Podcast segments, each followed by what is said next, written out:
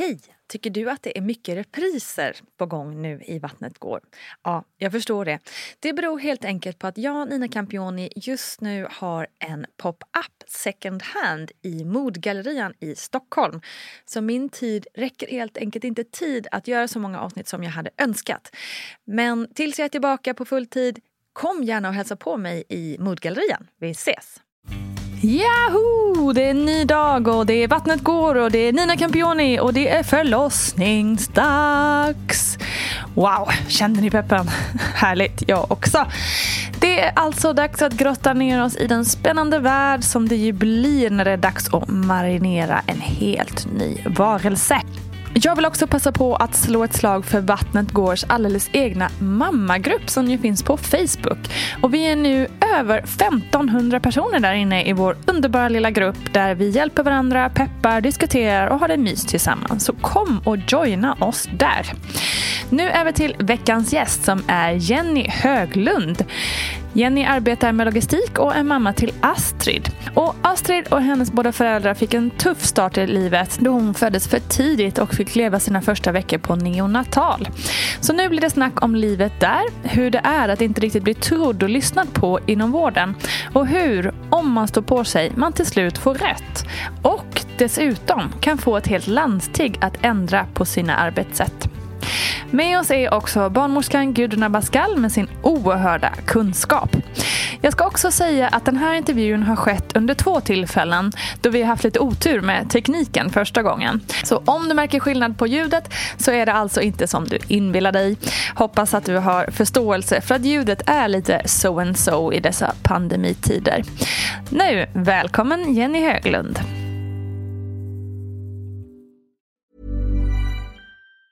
Hey, it's Ryan Reynolds, and I'm here with Keith, co star of my upcoming film, If, only in theaters, May 17th. Do you want to tell people the big news?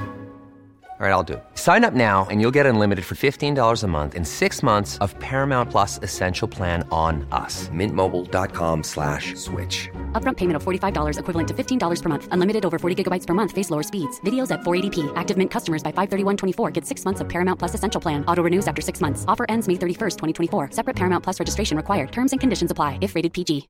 One size fits all seems like a good idea for clothes until you try them on. Same goes for healthcare. That's why United Healthcare offers flexible, budget friendly coverage for medical, vision, dental, and more. Learn more at uh1.com. When you're ready to pop the question, the last thing you want to do is second guess the ring. At Bluenile.com, you can design a one of a kind ring with the ease and convenience of shopping online. Choose your diamond and setting. When you find the one, you'll get it delivered right to your door. Go to Bluenile.com and use promo code LISTEN to get $50 off your purchase of $500 or more. That's code LISTEN at Bluenile.com for $50 off your purchase. Bluenile.com code LISTEN. Hey there, it's Michelle Norris. I'm host of a podcast called Your Mama's Kitchen. When I travel, I'm usually looking for a way to find a taste of home when I'm not at home. And one of the things I love to do when I am at home is entertain. And Airbnb allows me to do that. When I was in California recently, I rented a house that had a great kitchen. And when we were sitting around the table, we were all thinking, we're in someone else's house. Someone could be in all of our homes as well. If you have a home, but you're not always at home, you have an Airbnb. Your home might be worth more than you think. Find out how much at airbnb.com slash host. Hur har dina tankar gått i livet kring att bli mamma? Det har ju varit väldigt speciellt. Ingenting har ju blivit som vi tänkte och trodde och som säkert de flesta tror och tänker. För vad hade du för, liksom, för förväntningar och bilden av att bebislivet? Liksom? Men jag hade nog förväntningar på att det absolut skulle bli kaos på olika sätt. Alltså det här vanliga bebiskaoset mm. kanske.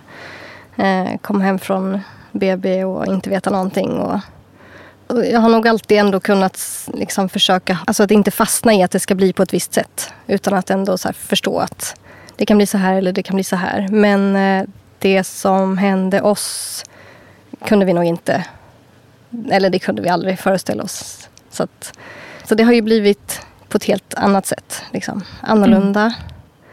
och bra på många sätt. Men det är ju mycket som inte är bra än. Mm. Och som vi liksom fortfarande kämpar med. Mm. Och Astrid kämpar med. Precis, vi, vi kommer in på det såklart Mm. än mer längre fram. Men vi börjar i alla fall i din graviditet. Mm. Hur mådde du?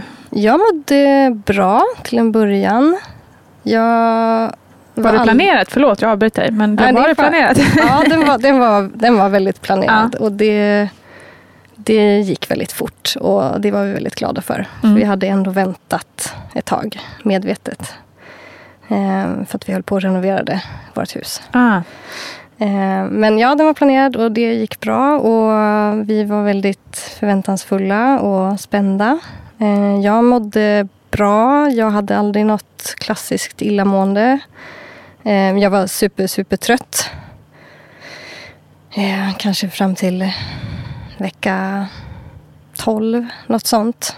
Ehm, så här, åh, äckligt trött. Det Mm. var liksom på väg till jobbet och förstod inte hur jag skulle orka jobba. Nej. Liksom. Så det, men det är liksom, det vet man ju om att det kommer. Ja, Så men det det, bra. det är verkligen den här tröttheten. Den är ändå verkligen en typ av trötthet man inte har känt innan. Man kan ju vara trött av massa Mm. olika anledningar tidigare i livet. Men just den där liksom, Mm. den bara Nej, lägger den- sig som ett stort täcke över en. Ja, den är ju helt vidrig. Det går inte att riktigt, nej, den går inte att föreställa sig. Och det går inte att tänka sig nu. Hur kan man vara så trött? Nej, Men det, ja, det var ju hemskt. Men det, det höll på ett tag. Men, men det gick bra. Men sen så mådde jag bra. Jag kände inte så mycket. Eh, mådde liksom bra i kroppen och, och så. Eh, sen... Får jag bara fråga, förlåt, Mm. när det, tröttheten gick, gick över, var det bara att den gick över från en dag till en annan eller behövde du äta någon järntabletter eller liksom nej, sånt där? nej, jag behövde inget tillskott av någonting. Utan det gick nog sakta men säkert över. Mm. Det var en naturlig övergång liksom? Ja, jag tror det. Mm. Runt jul eller efter liksom jul där. Då måste jag väl varit i vecka ja, 14 någonting sånt. Ja, men då blev det nog liksom lite bättre. Sen hade jag lite huvudvärk lite då och då. Men det var också att jag märkte att jag behövde verkligen sova mycket. Mm. Sova och vila. Så att jag försökte att göra det. Eh, Det som är så lätt. inte så lätt, men eh, försökte verkligen. Och jag, liksom, jag har alltid tränat mycket och vet att jag mår bra av det. Så jag körde på en del med det. Liksom mycket yoga och simmade. Och det var ju vinter så det var nog mest inomhusträning. Liksom. Mm. Men det gick ändå bra. Sen så var jag på ett sånt här rutinbesök hos barnmorskan och hade högt socker. Okej. Och då fick jag gå och göra en glukosbelastning på vårdcentralen. Mm. Eh, och visade då att ja, graviditetsdiabetes. Okej. Eh, och jag fick väl liksom några dagar på mig att försöka hålla det nere av bara motion och så. Eller av Mm. motion och Mm. kost. Mm. Och det tyckte inte jag var något så jättesvårt. För det var liksom mest att leva på som vanligt. Mm. För att jag är ändå ganska van vid att träna och röra på mig och sådär. Eh, men det funkade inte. Det var fortfarande högt, liksom, sockret. Vad tror du att det berodde på då? För jag tänker du ändå tränar mycket och kanske lever hyfsat hälsosamt. Mm. Liksom. Mm, ja, nej, barnmorskan sa att det är ärf- ärftlighet. Hon sa det här är ingenting du har ätit dig till. Nej, sa hon. Mm. Eh, så, och det finns ju i släkten, di- diabetes typ Mm. 2. Mm. Så att de sa nog att det är liksom ärftlighet och kanske lite otur. Vad beror graviditetsdiabetes egentligen på? Och hur stor är risken att det liksom sen övergår i vanlig diabetes efter man har fött? Ja, alltså, när vi pratar graviditetsdiabetes så, så betyder det att man har för höga blodsockervärden. Och det blodsocker är någonting som man kontrollerar på, på barnmorskemottagningen. Barnmorskan gör det och där ser man det. Och det beror på då att i och med när man väntar barn så, så ökar behovet av insulin för att bryta ner sockret på, på ett bra sätt. Och då är det så att ibland så räcker det insulin som kvinnan producerar själv inte till, men hon har insulin. Men i och med att graviditeten kräver det så, så måste man eh, då göra mera, mera kontroller. Man är viktigare det här med kosten och hur man, livs, eh, hur man lever och så vidare är viktigare för att hålla, hålla ner mycket Och ibland så behöver man sätta in läkemedel för det, men ibland inte så räcker det med kost. Men man har mera undersökningar under graviditeten för att ha koll på det här, att det inte drar iväg. Vi vet också att den här risken också, det är inte bara för kvinnan, det är också att barnet växer och kan bli väldigt stort så att säga. Om inte kvinnan producerar tillräckligt mycket insulin. Men insulin har man så att det, men det krävs mera. Och sen undrar du då, ja, om det kan gå vidare. De allra flesta kvinnor så är det ju så att när barnet är fött och man återgår till det mera normala så försvinner också den här så graviditetsdiabetesen. I ens, det finns ju i enstaka fall då att man kan få en eh, typ 2-diabetes också som man måste fortsätta medicinera sig men det är inte alls speciellt vanligt och ibland i värsta fall och det har, nu har jag aldrig varit med om att ha gått över till en typ 1-diabetes, alltså där man inte har någon produktion alls av insulin. Men man behöver koll på barnet och mäta hur stort barnet blir och så vidare, att det inte blir för stort. Just det.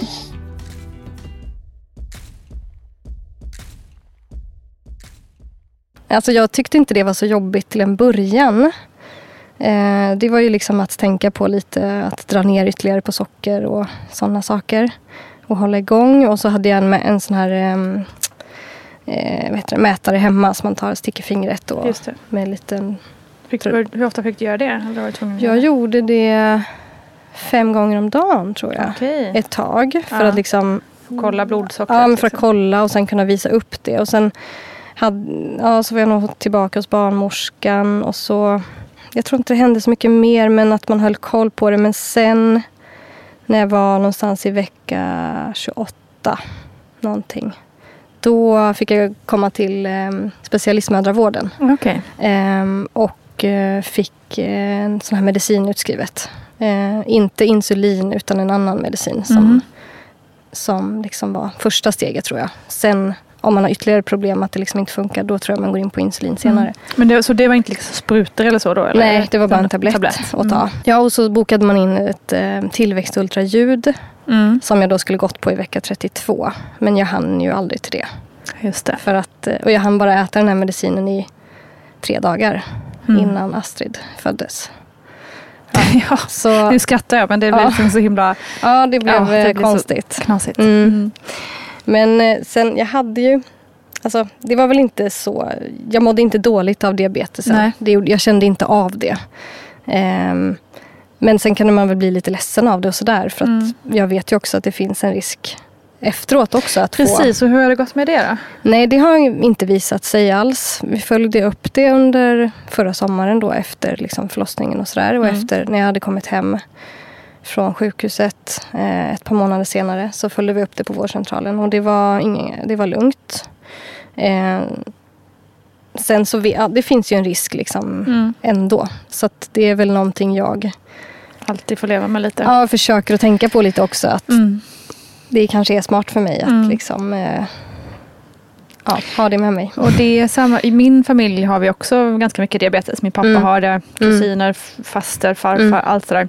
Mm. Det är ju, i och med att den är så ärftlig, så är det en ganska jobbig sak att veta Mm. att det finns. Jag tänker Mm. kanske främst på mina barn.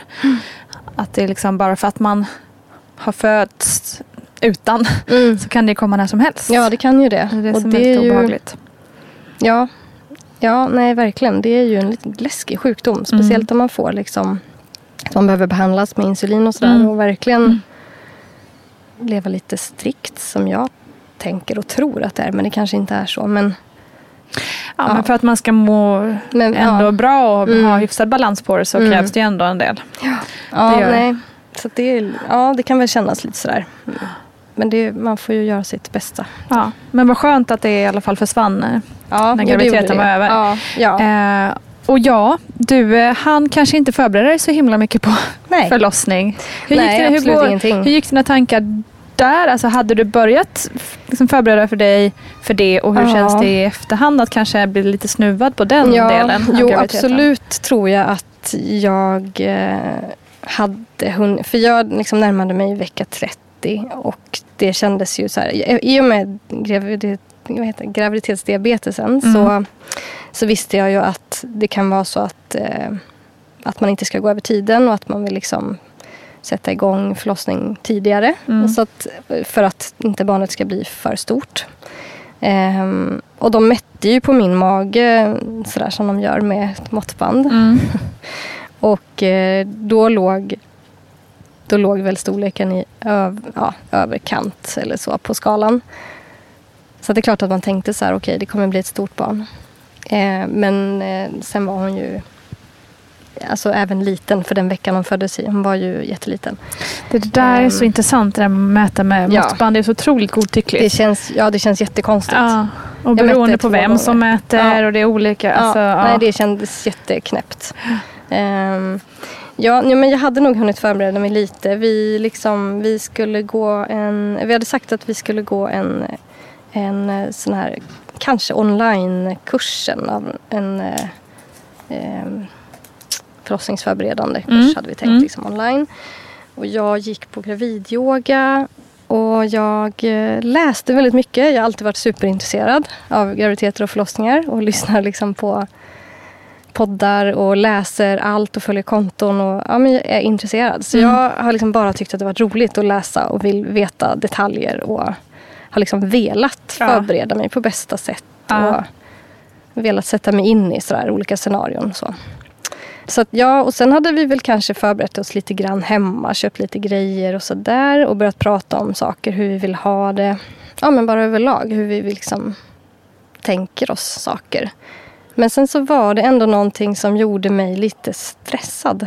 Att Ja, det var, jag vet att det var där någonting. Dagen innan då mitt vatten gick, som det visade sig, så var, blev jag superstressad och sa till min sambo då, Niklas att nej, nu, nu måste vi sätta oss ner och göra en lista på allt som vi måste köpa som saknas och eh, liksom vad vi ska göra. Och, nej, det var någonting som bara kändes stressigt. Att jag kände att nej, men det börjar närma sig. Liksom. Shit, du kände det på dig Ja, alltså. på något konstigt sätt i efterhand så har jag ju liksom sett det. Mm. Att det var någonting som störde. Eh, så att jag ville liksom bara ha, en, ha den där listan. Mm. Verkligen så. Och det är ju inte alls ovanligt heller att många känner det på något vis Ja. abstrakt liksom, i kroppen. Ja, att och det någonting... är ju ingenting som jag tänkte då. Och i och med att sen att vi förstod noll av vad som hände så är det också konstigt. Ja, det är väldigt konstigt Mm. allting som, som hände.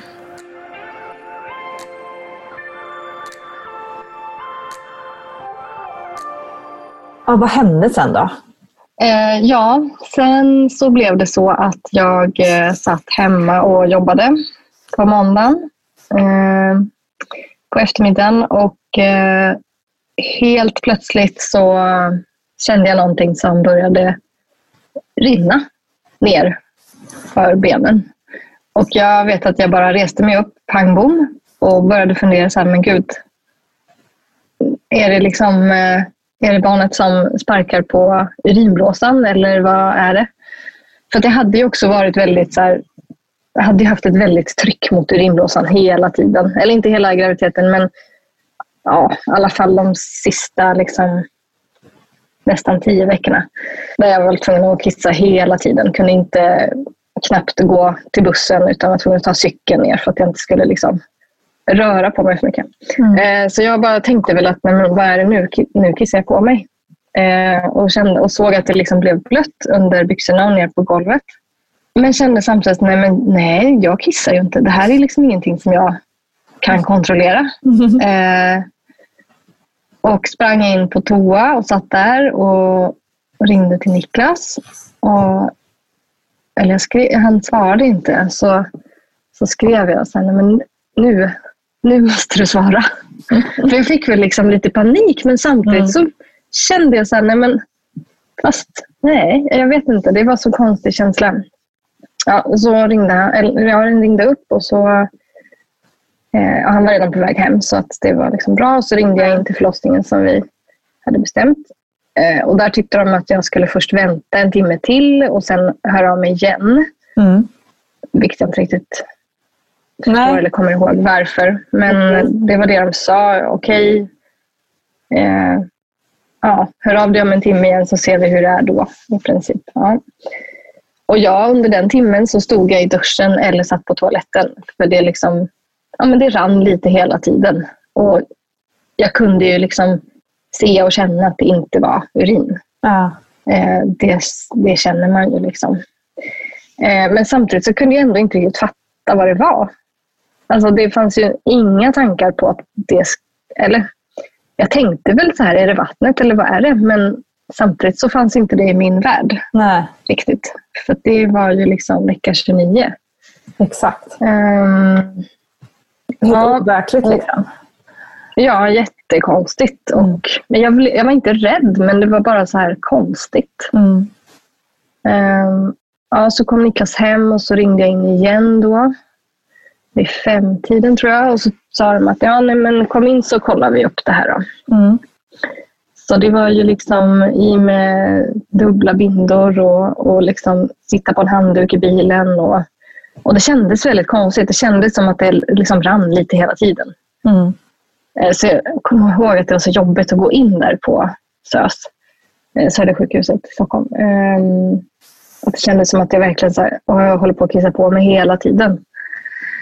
Och alla, Ehm. alla vars vatten någon gång har gått, förutom de om du går till Restbärs, vet ju precis det du... Alltså, Ja. känner ju igen sig exakt i det du beskriver nu.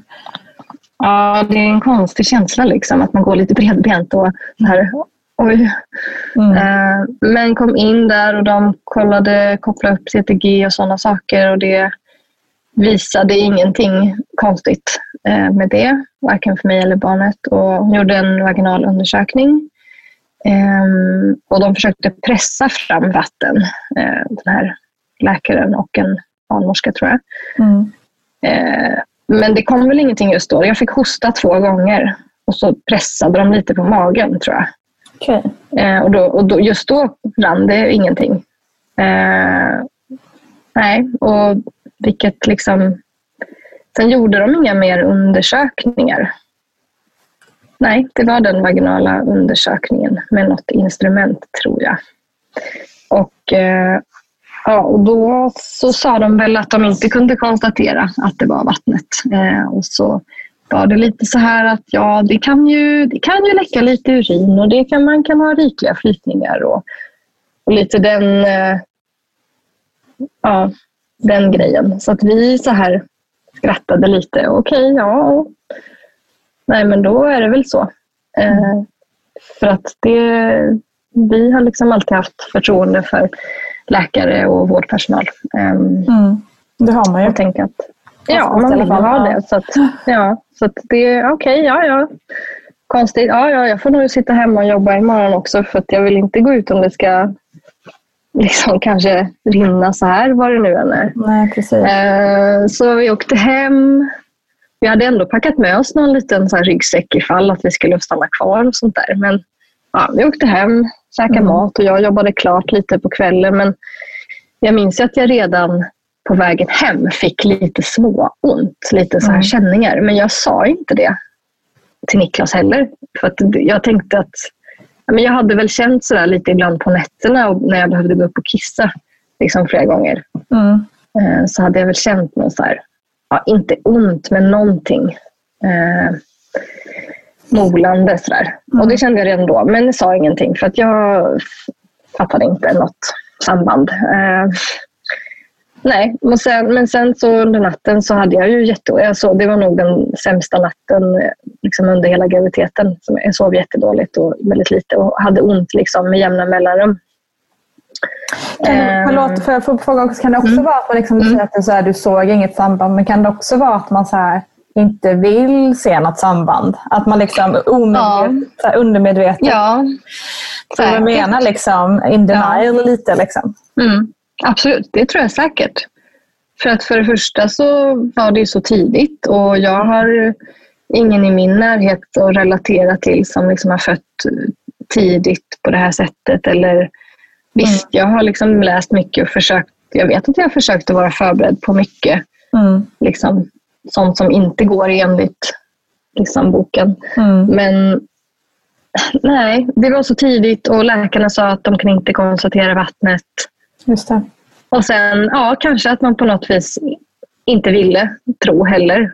På vad det skulle kunna leda till. Nej, precis. Det är, det är en väldigt konstig... Ja, nej, men vi har ju funderat och tänkt jättemycket på det här såklart och pratat Mm. mycket om det. Att hur kunde vi inte se något samband? Men om inte läkarna kunde förstå det eh, eller? Och, nej, jag vet inte. Det är, man inte. Mentalt så tror jag att om man inte är där mentalt liksom, så är det väldigt svårt att förstå. Eller om man liksom inte har någonting att relatera till. Att man vet Precis. kanske en person i sin närhet som har varit med om det här. Så kan jag tänka mig att... Men, eh, men sen också mycket det som vi också har liksom kritiserat dem för på kvinnokliniken är ju kanske deras kommunikation med oss också. För att Mm. hade de istället för att eh, liksom, ja, nästan skratta bort det eller säga att ja, det kan vara lite urin och sådär. Hade de istället sagt eh, vi, vet, vi, vi vet inte riktigt. Det kan vara vattnet men vi kan liksom inte här, säga det klart och tydligt. Men, Nej, men exakt. och, men var uppmärksam på de här eh, symptomen. Ja. Eh, liksom, får du ont eller börjar det rinna något mer eller kommer något blod? Alltså, Ja, händer precis. någonting mer, då ska du liksom ringa in igen. Ja. Jag tror att det hade varit hela skillnaden, Ja. tyvärr. Ja. Hade de sagt någonting som vi hade liksom, okej, jag får vara lite uppmärksam. ja, men exakt. Något att hålla lite koll på. vi, ja, då hade vi re- reagerat direkt. Ja, för det är ju det också som jag tycker är så konstigt att de inte gjorde. För att, med tanke på det du Mm. berättade om hur det kändes när vattnet gick. Alltså, Ja. det är ju liksom, jag, jag känner igen exakt det du beskriver. Mm. Exakt så var det för mig båda gångerna. Och jag menar, en barnmorska eller en liksom sjuksköterska borde ju rimligtvis ha hört talas om andra kvinnor där Ja. vattnet har gått. så jag menar, det är ju Herregud, här, ja. de att du kom in och berättade en story som var helt liksom så här, taget ur luften. Nej.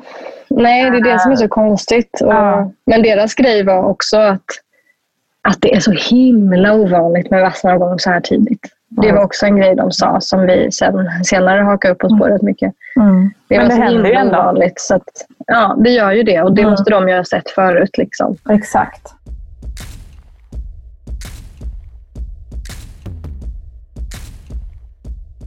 Så att sen på morgonen så när jag hade liksom ganska ont men vi ändå inte så tänkte. Alltså vi sa, jag skulle jobba hemma men Niklas åkte till jobbet och så skulle Mm. det liksom höras. Eh, och jag ringde väl in igen på förmiddagen och berättade då att jag var inne igår för vi trodde att vattnet hade gått och nu har jag liksom ont. Eh, och det jag då fick till mig var okej, men det låter som att vi ska göra en, en um, urinodling. Alltså det kan vara en urinvägsinfektion. Just det.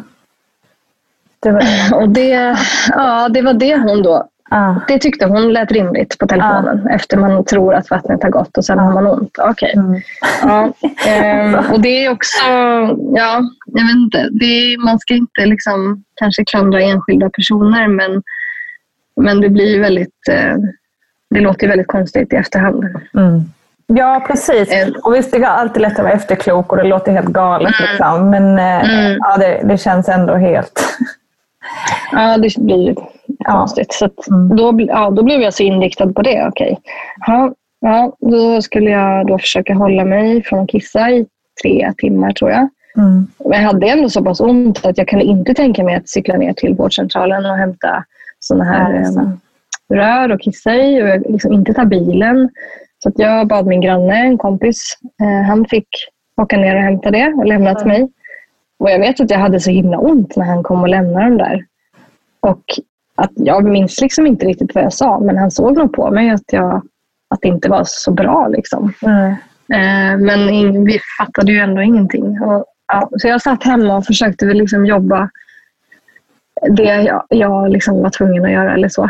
Jag, jag sa väl till mina kollegor tror jag att ja, men det är liksom, jag har ganska ont och vi var inne igår och sådär. Men ja, jag kämpar på så hör jag av mig. Liksom. Sen kom, efter några timmar så kom det lite, lite blod också. När jag var, ja, jo, jo, sen när jag fick kissa äntligen i de där rören. Ja. Ja. Och då ringde jag in igen. För tanken var att jag bara skulle lämna de där rören på vårdcentralen. Ja. Eh, och så här, hinna göra det innan klockan tre för att sen så var det närmade sig påsk och då kunde det liksom bli att det drog ut över hela helgen med de provsvaren. Mm. Så att det var lite så här, oh, jag måste liksom hinna och sen lämna in. Och så. Men så kom det lite blod och då ringde jag in igen och då sa de väl att ja men okej, men då kanske du ska komma in så kollar vi det så kan du lämna de eh, urinrören här på Södersjukhuset. Eh, och det var ju bra, men jag var samtidigt väldigt... Ja, det är så konstigt för samtidigt som jag hade väldigt ont från och till och jag ringde någon gång till Niklas och grät för att jag hade så ont. Mm. Och så samtidigt som det så var det ändå att jag, jag var inte så snabb på bollen med att ringa in till förlossningen utan att det var så här, vi bestämde att jag skulle ringa så kunde Niklas ringa mig 20 minuter senare och fråga, har du ringt? Nej, jag har inte ringt. Och ändå sådär, att någon slags så här lugn och bara, nej men jag, jag sitter och jobbar, jag måste göra klart en grej. Varför tror du att det Ja. var svåra? Jag vet faktiskt inte. Det, jag, nej, jag vet inte. Jag kan inte riktigt svara på det Nej. alls. Eh, kanske också någon slags förnekelse eller ja, någonting. Kanske också, alltså Men- är superhobbyanalys. Men Mm. också så här, liksom, ringer man in så är det också så här, shit, då, är det på, då kanske det är på riktigt. Liksom. Mm. Lite sådär. Att det blir Mm. Ja, jo, förlossningen, precis. liksom. Att det, jo, det- exakt. Att man, ja, jo, kanske. Att då får man liksom lite mer... Okej, ja, jag vet inte. Det, Nej, jag vet inte heller. Ja, allt det här... eh, Ja, ja, vi har ju tyckt att det låter så konstigt och jobbigt i efterhand. Mm. Att vi, och det är kanske många andra som lyssnar nu tänker också, hur kunde de inte fatta? Mm. Men eh, ja, jag kan liksom inte förklara det. Det känns inte som att vi inte är normalbegåvade på något sätt. Men vi, det var första gången och vi liksom, Ja. man var inte där mentalt. Nej, men och sen, jag tror liksom, så här, det är ju inte heller helt konstigt med kombinationen att man liksom inte blir trodd av Nej. sjukvården. Nej. Och liksom, inte alls, liksom, Nej, det är ju inte alltid det är särskilt konstigt att man del. reagerar på det viset. Liksom. Nej, nej, det är väl liksom det. Hade de bara sagt minsta lilla så Mm. här, Precis. reagera på om du har för ont. Så. Ja. Men, ja, nej, så vi, tills, då fick jag en tid så här. Ja, nej, men min sambo måste hinna komma hem först och bla bla. Men ja, du, ja sådär. Ja, men vi kan ta den tiden eh, halv tre. Ja, det blir bra. Mm. Eh, ja, så åkte vi in och jag hade ju liksom fortsatt ont och vi kom in och de kopplade upp igen CTG och sånt. Eh, och det visade, ingen, det visade inga sammandragningar på mig och barnet mådde bra. Ja, och det är något jag har läst lite överallt, att det inte är säkert att det visar sammandragningar. Jag vet inte om det har att göra med att det var en sån tidig vecka eller inte. Jennys verkar syntes inte på CTG. Vad kan det bero på? Hon fick ju svaret av läkaren att det var för att hon var så tidig som i vecka 29. Vad säger du om det? Ja, hur kollegial ska man vara i ett sånt här sammanhang? Va? Alltså för mig finns det inte på världskartan att man i vecka 29 inte ska kunna med hjälp av CTG upptäcka om, om eh, kvinnan om har eh, verkar eller inte. Det finns inte på världskartan. Så för mig måste det vara då att man ska vara elak eller mm, så, att man inte har kopplat den här dosan rätt på, på kvinnan mot livmodern på ett sånt sätt. Så att det där må, måste man ju veta precis. Men, men för, för mig så finns det inte. Det är klart att man ska, ska ha koll på att man ser vecka 29 om det verkar. Och här är det extra viktigt om man kommer in att man verkligen tar reda på det. Och ser man ingenting så får man ju använda sina händer, man får undersöka, man får göra andra saker. Man kan inte bara säga nej vi såg ingenting på CTG. Det är inte så att appen har sanningen på något sätt utan apparaten är också beroende på hur vi hanterar den. Så. Ja, nej, det visade i alla fall ingenting. Eh, och sen, det låg väl där inne en halvtimme i det rummet med det. Och sen så fick vi sitta ner i ett väntrum. Eh, men jag kunde inte sitta still. Jag gick fram och tillbaka i den där korta korridoren och liksom sakta Mm. eh, så vankade fram. Jag, jag vet inte, men det, det känns konstigt nu, men det är, var ju ungefär nästan en timme som vi satt och väntade. Eh, det har jag sett i journalen att, att sen strax innan fyra så, så var det som jag... Liksom, då kom det ett sånt extremt tryck neråt. Ja. som jag liksom fick andnöd nästan och bara ville kasta mig ner på golvet och liksom låt mig svimma av. Eller, Mm. och jag, visste, så här, jag ville kräkas eller, och jag liksom sprang in. Jag ropade väl på Niklas att nu är det panik. Och sen samtidigt så sprang jag in på toa för jag tänkte att jag behövde gå på toa. Mm. Och han det var väl så här, lås inte dörren. Och så sprang han väl efter någon eh, sköterska och sa att "Nej, men jag har jätte, jätteont. Mm. Eh, så kom de och ja, jag vacklade väl ut därifrån toaletten och in på ett rum. Och de kopplade upp igen. Och nu så... Då står det att de hade lite svårt att få in eh, hjärtljuden hos barnet. Okej. Eh, och, ja, sen är ju minnena här är ju liksom lite vaga. Mm. Men eh, det kom ju in en läkare ganska snabbt, en förlossningsläkare som då bara, jag låg ju på en sån här säng eller en brits Mm. och det, hon, jag tror att det var liksom redan nu lite så här bråttom. Att hon liksom bara ner med brallorna och isär med benen. Eh, och liksom kände efter och sa att nej men jag var helt öppen. Mm. Eh, och eh, hon kände ett, eh, en rumpa och en fot som var liksom på väg ut. Och här så minns jag inte vad jag tänkte, men Niklas vet jag ju, han höll ju på att svimma och liksom Mm. fick ju sätta sig ner på en stol där och fick lite panik. Mm. Och jag tror att jag liksom bara frågade, vad innebär det här? Exakt. Och här så har de väl ja, på något sätt hunnit sätta en nål och eh, trycka in lite sån här verkstoppande, om det är Bricanyl, tror jag, om jag inte säger helt fel nu. Ja, verkstoppande i alla fall. Mm. Eh, det hann de väl på den liksom, korta stunden. Och, eh, då, det, det enda jag minns att de sa var att nu kommer det gå jättefort här, men vi tar hand om dig. Just det.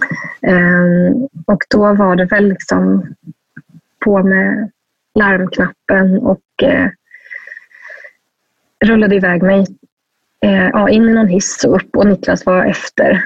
Eh, ja, ja, det, jag tror, alltså och sen har jag läst i journalen då att från att de tryckte på larmet, liksom, jag tror att efter hon hade liksom konstaterat att jag var fullt öppen och att barnet låg i säte och dessutom var det lite svaga hjärtljud.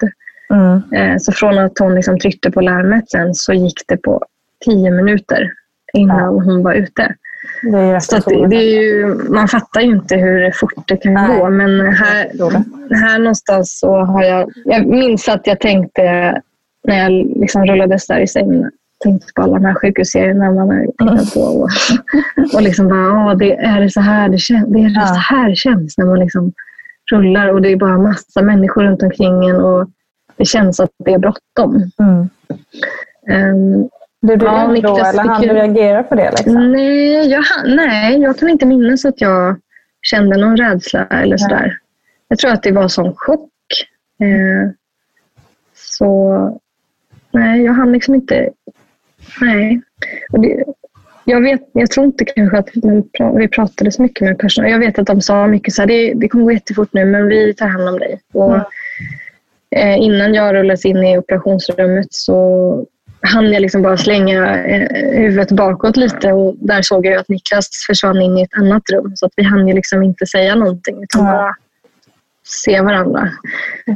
Och sen eh, vet jag att de bara frågade mig om jag var allergisk mot någonting. Och, eh, jo, sen så dök den här förlossningsläkaren upp också bredvid mig som, som då hade inte kunnat konstatera vattnet dagen innan. Hon var väl också kirurg så det var hon som snittade mig sen. Okej. Eh, hon dök upp där och jag hörde liksom henne. Ja, jag kan identifiera patienten. Är det, det är en sak jag kommer ihåg att hon sa.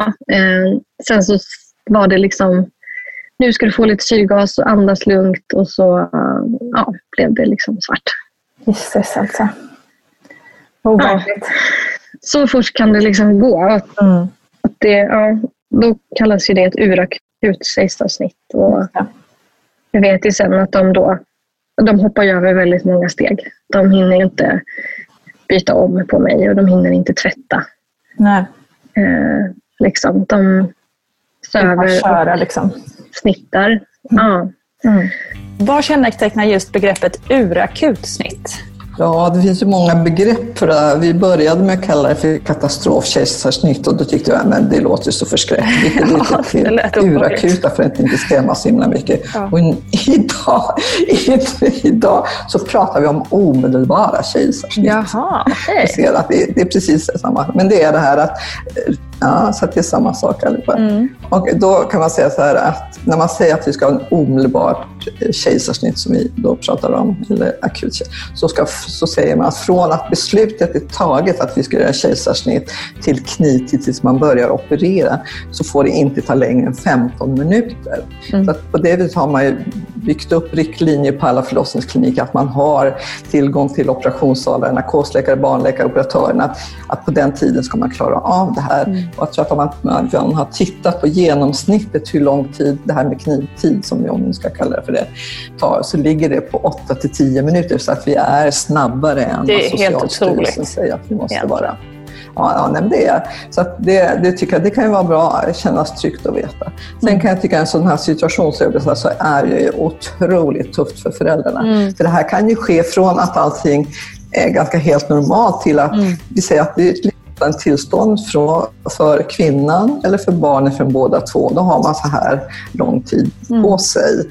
Och så att det är inte så att man som personal då kanske kan stå och förklara varför vi gör sig och så, utan Nej, man tar exakt. sig och springer. Man, man Ja. gör det verkligen. Det ser värre än på TV. Eh, Så, så kan det vara. Men alla finns på plats och därför så vill jag säga alla kvinnor som är med om det här, alltså där måste man följa upp det här jättenoga och man måste ska träffa dem, både läkare och barnmorska, alla som varit involverade i det här Mm. efteråt för att verkligen kunna bearbeta det både känslomässigt och förstå Mm. vad som hände egentligen och även att partnern, att båda föräldrarna är med i den här situationen. Det och. Så att det här kan jag säga att en av dem på min mottagning som jag har eh, på Östermalms sjukvårdsförening, där så sitter jag med många kvinnor som har varit med om de här typerna av kejsarsnitt. Som, som kommer för att när de väntar nästa barn så tänker jag så här, och så kommer den här rädslan tillbaka och så behöver man bearbeta den. Så att det här är eh, jätteviktigt. För den vanligaste reaktionen det är då att om, när det går bra så att säga vid de här kejsarsnitten, då är man bara glad och tacksam. Ja, det gick ju bra och barnet mår bra och jag mår bra och alltihop. Och så skjuter man undan och så kommer Ja. så mycket annat. Så att alla de här tankarna och frågeställningar, det kanske kommer mycket senare när man lämnar sjukhuset. Och då ska man, även om det är ett halvår, ett år, så ta kontakt igen med kliniken. Jag vill bara passa på att prata om det, här, för det är så viktigt att när frågorna dyker upp så ska man få svar oavsett hur lång tid det har gått sedan det här blev så här. Jätteviktigt. Och sen vet ju inte jag så mycket, men här har ju Niklas liksom berättat mycket om hans upplevelse och sådär. Eh, han hade väl liksom... Ja, han var ju väldigt rädd och panikslagen har han ju berättat. Och Det blir en helt annan sak för den som står bredvid och liksom får uppleva allting. Mm. Gud, ja. såklart. Eh, han fick byta om till andra kläder och sen fick han komma in i rummet bredvid mig. För där väntade då eh, personalen från neonatalen. Mm. Eh, och ja, det var väl ganska, jag vet inte riktigt hur många, men det var ju ett antal, 10-12 kanske personer som alla har olika uppgifter. Och han har ju berättat att det var ju kanske en person som bara stod och antecknade och sen så fanns det det var alltid en person som alltid stod och höll om honom. Och det är ju väldigt liksom, fint att höra. Att en som alltid stod och höll och liksom berättade kanske lite kort vad som kommer hända och sådär. Just det. Ja, så att eh, liksom, sen kom ju då barnet, våran Astrid, in ganska snabbt där till det rummet han var i. Till honom. Eh, ja, eh, och la, la upp henne på ett litet bord och han fick ju stå bredvid hela tiden. Och hon kom direkt de, direkt de plockade ut henne. Det var tydligen ganska svårt att få ut henne för att hon satt väl lite fast och hade ju liksom, hon var ju så långt ner. Hon hade väl fixerat sig i, vad det nu heter, eh, ja, längst ner liksom. Eh, så det var lite Ja, hon hade gått igenom liksom nästan alla stegen då. Ja, det var väl det. Ja. Eh, Så det var ju absolut krystverkan jag hade, men, Ja, visst. men som man inte liksom förstod. Så Men som man... hela förloppet gick väl ändå väldigt fort från att jag Mm. liksom hade verk, även om jag inte förstod att det var verkar så det var liksom verkar som var så här, det var väl, jag kunde ju trots allt ändå jobba på dagen och jag, ja, jag vet inte. Hade jag vetat att det var verkar kanske jag hade tänkt och känt annorlunda. Men det, det måste ju ha gått extremt fort från liksom hanterbart till krystverkar. Galet alltså. Ehm, ja. Nej, så de plockade ut henne och så lägger de, la de henne i en plastpåse. Så det, det ser väl säkert ganska makabert ut. för Ja, Niklas då, att, Alltså det låter jätteläskigt.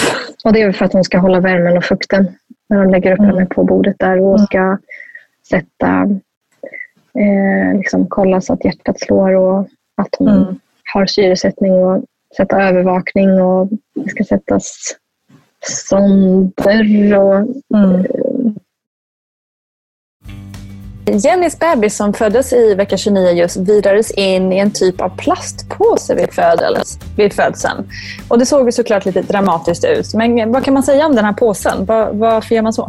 Det är för att vi vet att de här som är väldigt mycket för tidigt födda, de har ju svårt att hålla värmen. Så det är precis så här som Jenny säger, att, att det gör ju då att det avdunstar inte, inte, de blir inte kalla på samma sätt. Men sen är det också att barn som föds väldigt mycket för tidigt, de har också en väldigt tunn hud. Så att den här huden släpper igenom vätska, det är precis som de svettas ut det här och det vill man undvika. Det är väldigt viktigt att man förhindrar den här avdunstningen från barnets, barnets kropp för att de förlorar vätska. Så det, det är kanske ännu mera annars svårt att hålla om man inte har plastpåsen. Värmen kan man lösa på andra sätt men, men plastpåsen löser just det här med vätskeavdunstningen. Att det är en viktig grej som man har kommit på för att inte barnen ska bli uttorkade. Intressant. De använder liksom navel, genom naveln för att kunna ge näring och eh, mediciner. För att det är väl liksom lättast att kunna gå in där. Men det funkade tydligen inte så bra. Hennes ben blev blått, har jag läst. Och Niklas har berättat också det. Att det blev helt plötsligt blått och de kunde inte liksom förstå. Det var väl någonting med läget på de här eh, smala slangarna som de fick in genom naveln. Ja, okej. Eh, de, ja, de fick ringa dit en sån här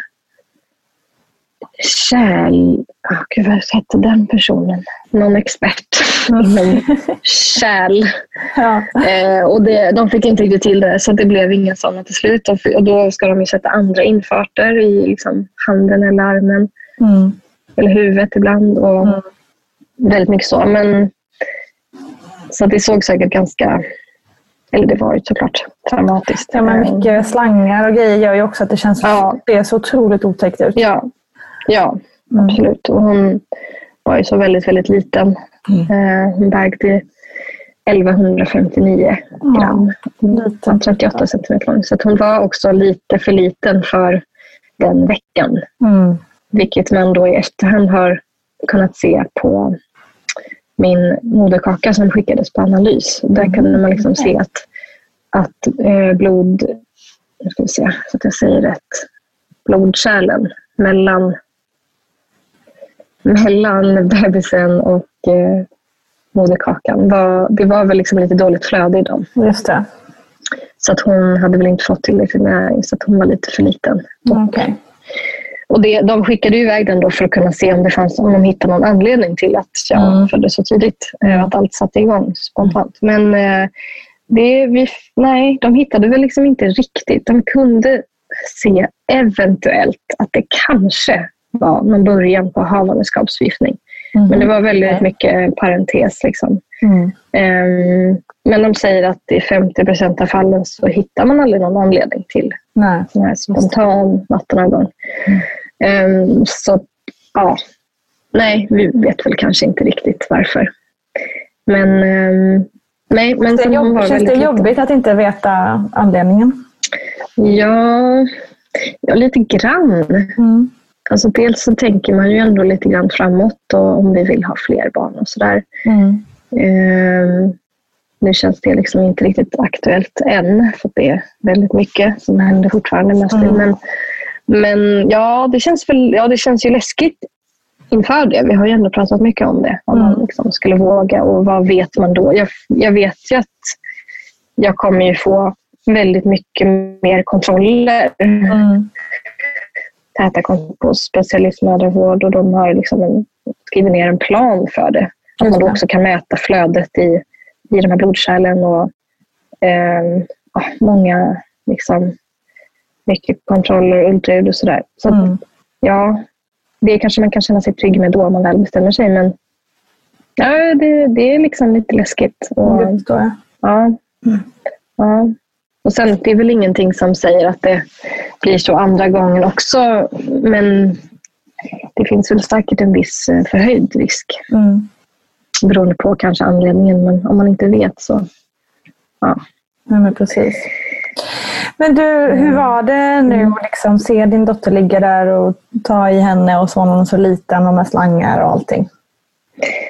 Ja, det var konstigt. Eh, jag vaknade väl upp efter någon timme tror jag. Sen var jag nog kvar någon timme på uppvaket där innan de kunde rulla iväg mig till, till henne. Där, då hade de ju förflyttat henne till neonatalavdelningen.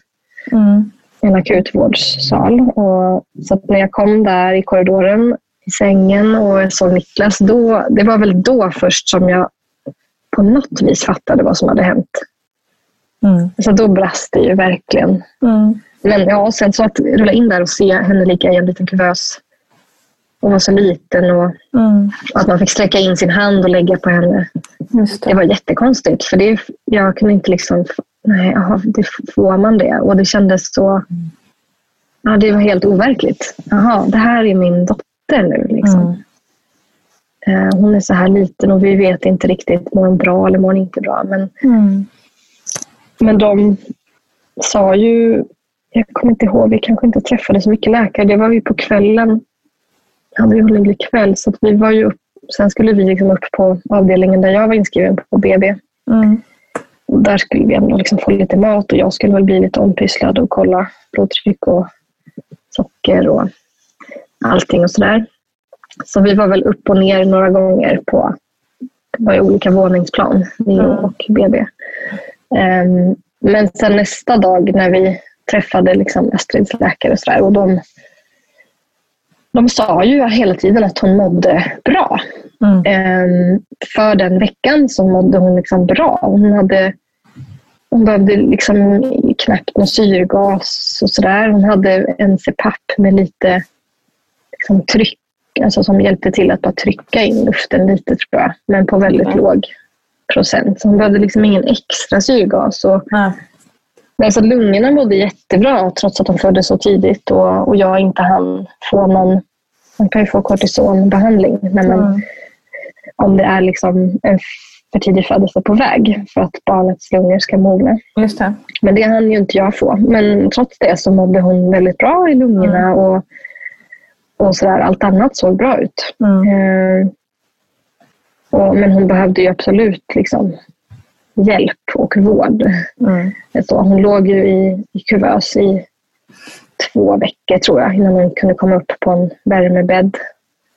Eh, och hon behövde, lite, behövde sola lite för den här gulsot och, och sådana saker. Jo, men det var väldigt svårt att eh, förstå. Eh, att, Mm. liksom, vad betydde det med läkarna när de sa att hon mådde bra? Ja, gud ja. Ehm, Jag förstår. Så det var liksom svårt att förstå utifrån vad då. Ja, men precis. Och hur mådde ni liksom? Det var svårt. Att, vi, var ju väl, vi var chockade väldigt länge. Ja. Det var, liksom, det var så mycket tankar som flög genom huvudet. Det var mycket så här praktiska tankar.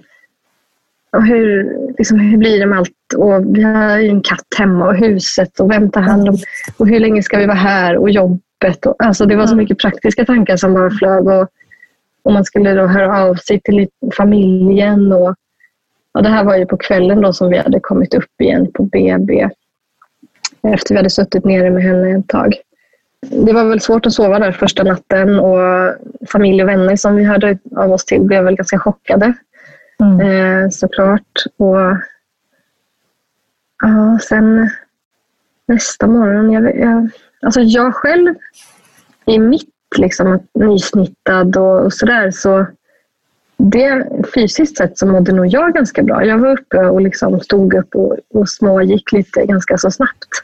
kändes inte som att jag behövde tänka så mycket på liksom, hur jag själv mådde. Men, men det var ju svårt att sova första nätterna och till slut så fick Mm. jag nog lite sömn, ta lite sömntabletter där av sköterskan på BB för att jag Ja, men precis, Alltså, för det är det lite kom det. ju- överhuvudtaget liksom kan, måste man ju på något sätt få till någon slags vardag ändå med att sova och äta. Och, alltså Ja. alla de här basala behoven som en människa ändå har. Eh, Mm. Jag tänker liksom från utomstående så blir man ju så här, men gud, hur kan man ens, eh, hur kan man ens sova eller äta när Mm. ett litet barn ligger Ja. två trappor ner? Liksom. Men man måste ju Ja. det.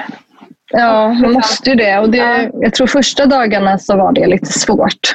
Mm. Men då, då var det liksom ändå att vi fick så på, då bodde vi på BB, så då var det vissa mattider. Ja, det var ju bara att gå upp dit då och så sätta sig. Mm. Och sen försöka sova på nätterna. Eh, Mm. Och liksom att jag skulle försöka promenera lite där i korridorerna. Och, men jag vet, ja, första dagen eller första veckan så var det nog väldigt chockartat att vi inte fattade någonting hur, hur liksom det här skulle bli. Eh, samtidigt så hade vi inte heller, vi hade inga grejer med oss. Vi hade inte tagit med oss någonting in den här gången för vi tänkte att jag skulle bara in inga kanske få någon... Nej, det var ju liksom lite kanske få någon medicin för ur- urinvägsinfektion och sen hem. Så Mm. det var också så här, Niklas fick ju åka hem sen dagen efter och hämta liksom lite, lite kläder och hygienartiklar och sådär. Och fixa grannarna på kattvakt och husvakt. Och, Mm. och sen, men eh, ja, sen så kom ju min eh, bästa kompis kom eh, dagen efter ganska snabbt med lite grejer och liksom lite stöttning. Och vi, hade, alltså vi hade jättebra hjälp av vänner och familj väldigt liksom snabbt. Eh, och det är jag så glad och tacksam för. För det är väl, ja. Men jag tror att ja, efter tre dagar på BB i alla fall så kunde vi flytta in i ett rum på neo-avdelningen. Då. Mm. För då var jag utskriven. Och, och då, det vi liksom fick höra var ju att ja, men det vanliga är att man i alla fall stannar till barnet är ungefär i vecka 35. Då brukar de flesta må så pass bra att man kan åka hem och så har man förmodligen lite hemsjukvård, lite stöttning i början. Mm. Tills liksom barnet kan äta själv och sådär. Så vi hade väl något sorts mål där att okej, men det är sex veckor. Just det. Så det var det vi liksom skrev till eh, folk som undrade. Så här, men vi kommer nog bo här i sex veckor i alla fall. Mm. Eh, men det var konstigt. Alltså då ja, installera sig i ett rum där som visserligen var ändå ganska så bra, ganska stort i jämförelse med de andra rummen. Eh, och liksom med fin utsikt där över, eh, över eh, kolonilotter och vatten. Så det var, ja, jag vet inte. Det var liksom man skapar ju någon slags, slags vardag ganska så snabbt ändå. Eh, Mm. med henne. Det var ju mycket som skulle ske i tre timmars intervall.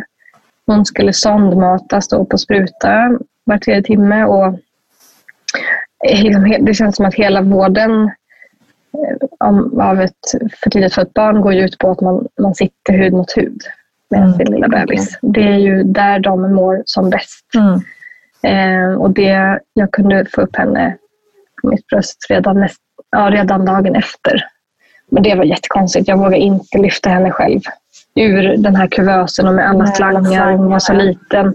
Nej, det gick inte. Det, då fick de hjälpa oss med det. Men eh, ja, så att vi, det var ju liksom sitta då liksom ett antal timmar. Två, tre timmar kanske. Och sondmata och sen skulle vi liksom lära oss att sköta om Eller knytet med byta blöja och tvätta lite. Och, Mm. Eh, ja, och jag pumpade ju bröstmjölk. Jag skulle liksom, försökte komma igång med det ganska snabbt. Och det jag gjorde skulle jag också göras var tredje timme. Mm. Eh, för att det skulle liksom komma igång. Eh, ja. Och sen hade vi något litet föräldrakök där på avdelningen som man kunde värma lite mat i mikro och ha, hade kyl och sådär. Så det blir liksom ett litet schema som man går efter så att det ändå blir någon slags vardag i det hela. Liksom. Det, blir, eh, det var väldigt mycket på schema. Eh, och liksom ronden på morgonen när läkarna kom och berättade vad som hände och vad som skulle göras. Mm. Ehm, ja, men sen så var väldigt snabbt också så var personalen ehm, på oss om att vi måste komma ut och ta luft varje dag. Och det är jag också så himla glad och tacksam över att vi hade så bra personal där som var så måna om oss. Just De tog liksom verkligen hand om oss också. Eh, Så att det var så, ut och gå varje dag, ta långa promenader. Att vi, vi gick mycket promenader. Ja, frisk luft och gå ut, sitta ute och äta lunch. Det var ju påsk och vår. Det var ju...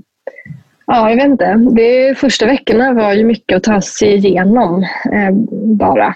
Mm. Och då visste vi kanske inte heller... Nej, vi, vi hade väl inte riktigt... Vi förstod ju inte riktigt hur lång, vilken lång resa det skulle bli. Eh, men, Nej, för det blev lite mer än sex veckor på Neo. Ja, det blev ju 11 veckor drygt. Mm. Eh, tills hon var i vecka 40 och plus några dagar. Det är Och- väldigt tid alltså. Ja. Och det, allting beror ju egentligen på att hon började kräkas på en, nästan liksom på en gång. Så kräktes hon jätte, jättemycket. Men de första dagarna så tyckte inte läkaren att det var något att oroa sig för. För att det, det liksom är så himla vanligt. Magen verkar ju vara det som mognar sist Mm. På ett barn i magen. Eller bland det sista i alla fall. Ehm, Så de tyckte inte det var konstigt så länge hon ökade i vikt och så. Just det. Ehm, Men man drog ganska snabbt igång liksom att man skulle ge henne mat liksom på längre tid. Alltså eh, ofta och lite. Mm. Så att istället för att mata var tredje timme med sond i, eller på spruta i 20 minuter så fick hon en matpump som liksom gick på en timme Okej. Eh, var tredje timme. Och det, ja, men det hjälpte väl liksom inte direkt. Och sen gick det väl någon vecka och då insåg de att men hon, hon går ner i vikt nu istället. Mm. Mm. Först så går väl alla går väl ner i vikt första dagarna. Så där. Men Precis, det är ju jättevanligt. sen ska man ju öka. Mm. Ja. Mm. Men sen gick hon ner i vikt och liksom klarade inte att behålla det hon skulle. Så att då fick de ju sätta en ny infart då, och så fick hon näringsdropp istället. Så att då var det ganska försiktig matning. Eh, väldigt, väldigt lite. Jag tror kanske inte hon hade någonting i magsäcken på Mhm. ett tag. Utan att hon bara hade näringsdropp. Ja. Men sen så var det allt eftersom veckorna gick så försökte man ju på olika sätt att mata på liksom kort, ja, lång tid och kort tid och med matpump och utan matpump och bara lite på spruta direkt i munnen, någon milliliter här och där på, med napp. Mm. Eh, hon låg vid mitt bröst och liksom skulle försöka få in det där, väcka de signalerna. Mm. Men eh, hon kräktes ju hela, hela, hela tiden. Ja. Eh, och vi märkte ju väldigt snabbt att det, hon mådde inte bra heller. Hon fick ju väldiga pulsdippar när hon kräktes. Hon hade ganska svårt att komma tillbaka Mm. ibland till att liksom andas själv. Så ganska Okej. ofta fick vi hjälpa henne med lite syrgas och liksom ha henne upprätt läge mycket och, och stimulera liksom att hon ska komma ihåg och andas. För Mm. de stänger väl gärna av, de här små bebisarna stänger gärna av den här ventilen eller vad man ska säga. Så, och det är väl smart. Det är väl för att de inte ska få ner liksom, kräk och sånt i lungorna. Så stänger Ja, de av och då andas de inte. Just det. Ehm, det är väl det som gör att de ofta kan vara under vatten också. Mm. så här Mm. babysim och sånt. Att de stänger av liksom andnings... Men hon gjorde det lite för mycket och hade väldigt svårt att komma tillbaka själv. Mm. Eh, och det, ja, det var väldigt jobbigt. Vi fick ju se henne liksom både askgrå och blå några gånger i ansiktet. Mm. När det liksom blev lite akut. Ja, nej, det, det var... Jag vet inte, det var ganska länge som vi inte riktigt visste om vi liksom skulle någonsin kunna få hem henne. Nej. Alltså om hon... Kommer det här liksom gå? Ehm, för det, hon gjorde ju otaliga undersökningar. De, de röntgade och de eh, gjorde ultraljud och kollade allt möjligt på mage och tarmar. Mm. Men eh, det visade aldrig, det visade aldrig något medfött fel och det visade liksom inga stopp eller några konstigheter. Sen är det mycket andra undersökningar överlag för för tidigt födda. Man kollar ju hjärnan, letar efter hjärnblödningar och man kollar väl lungorna och ehm, hjärtat. Ja, ögonen är ju också sånt som kan vara vanligt att få. Mm. Så det är ja, mycket, mycket undersökningar och mycket eh, stick i armarna. Ta och sätta nya infarter och nålar som liksom, Mm. hon var väldigt svårstucken hela tiden. Mm. Så att de eh, har stuckit henne, jag vet inte hur många gånger, men det är många gånger som man har stått där i liksom timtal och de inte lyckas sätta de här små. Och det fattar man ju, det är ju som sytrådar som ska gå in i de här Ja. små blodkärlen för att kunna få liksom, medicin och, och näring. Så ja, det var, jag tänker mig att, att det är tufft att få ett eh, för tidigt för ett barn och bo på en neo-avdelning Mm. liksom, länge. Men också när allting inte när det liksom inte heller går bra. När det bara liksom är det är liksom ett steg fram och två tillbaka och man vet inte när man kan få komma hem och vad som händer och hur det ska sluta. Eh, ja, det var ju fruktansvärt. Ja, för Men jävligt på något alltså. vis så kommer man ju igenom. Mm. Ja. Ehm, Det var så mycket ångest för laddat. Ja, ja, ja, det är det ju. Det är det verkligen. Men där är det ju väldigt mycket hjälp med att man har kuratorstöd varje Mm. vecka om man vill. Och, och att det var så bra personal som såg till att vi kom ut varje dag. Och att Mm. vi, liksom, ja, men vi, kunde, vi hade besök ganska mycket av vänner som kom in och sa hej. Och, Mm. ja, tittade på henne och de lämnade matlådor. Och familjen, mamma och pappa och, och alla liksom hjälpte till med vad de kunde. Och där har man ju jättemycket hjälp av det. Om man har sånt stöd. Mm. Så det är väl mycket därför som det ändå att man ändå tar sig Det igenom det. runt liksom. Ja. Ja, att man ändå liksom fungerar och att man till slut kommer hem och inte då är helt förstörd. För det är på något vis, det är då det börjar, när man får komma hem. Precis.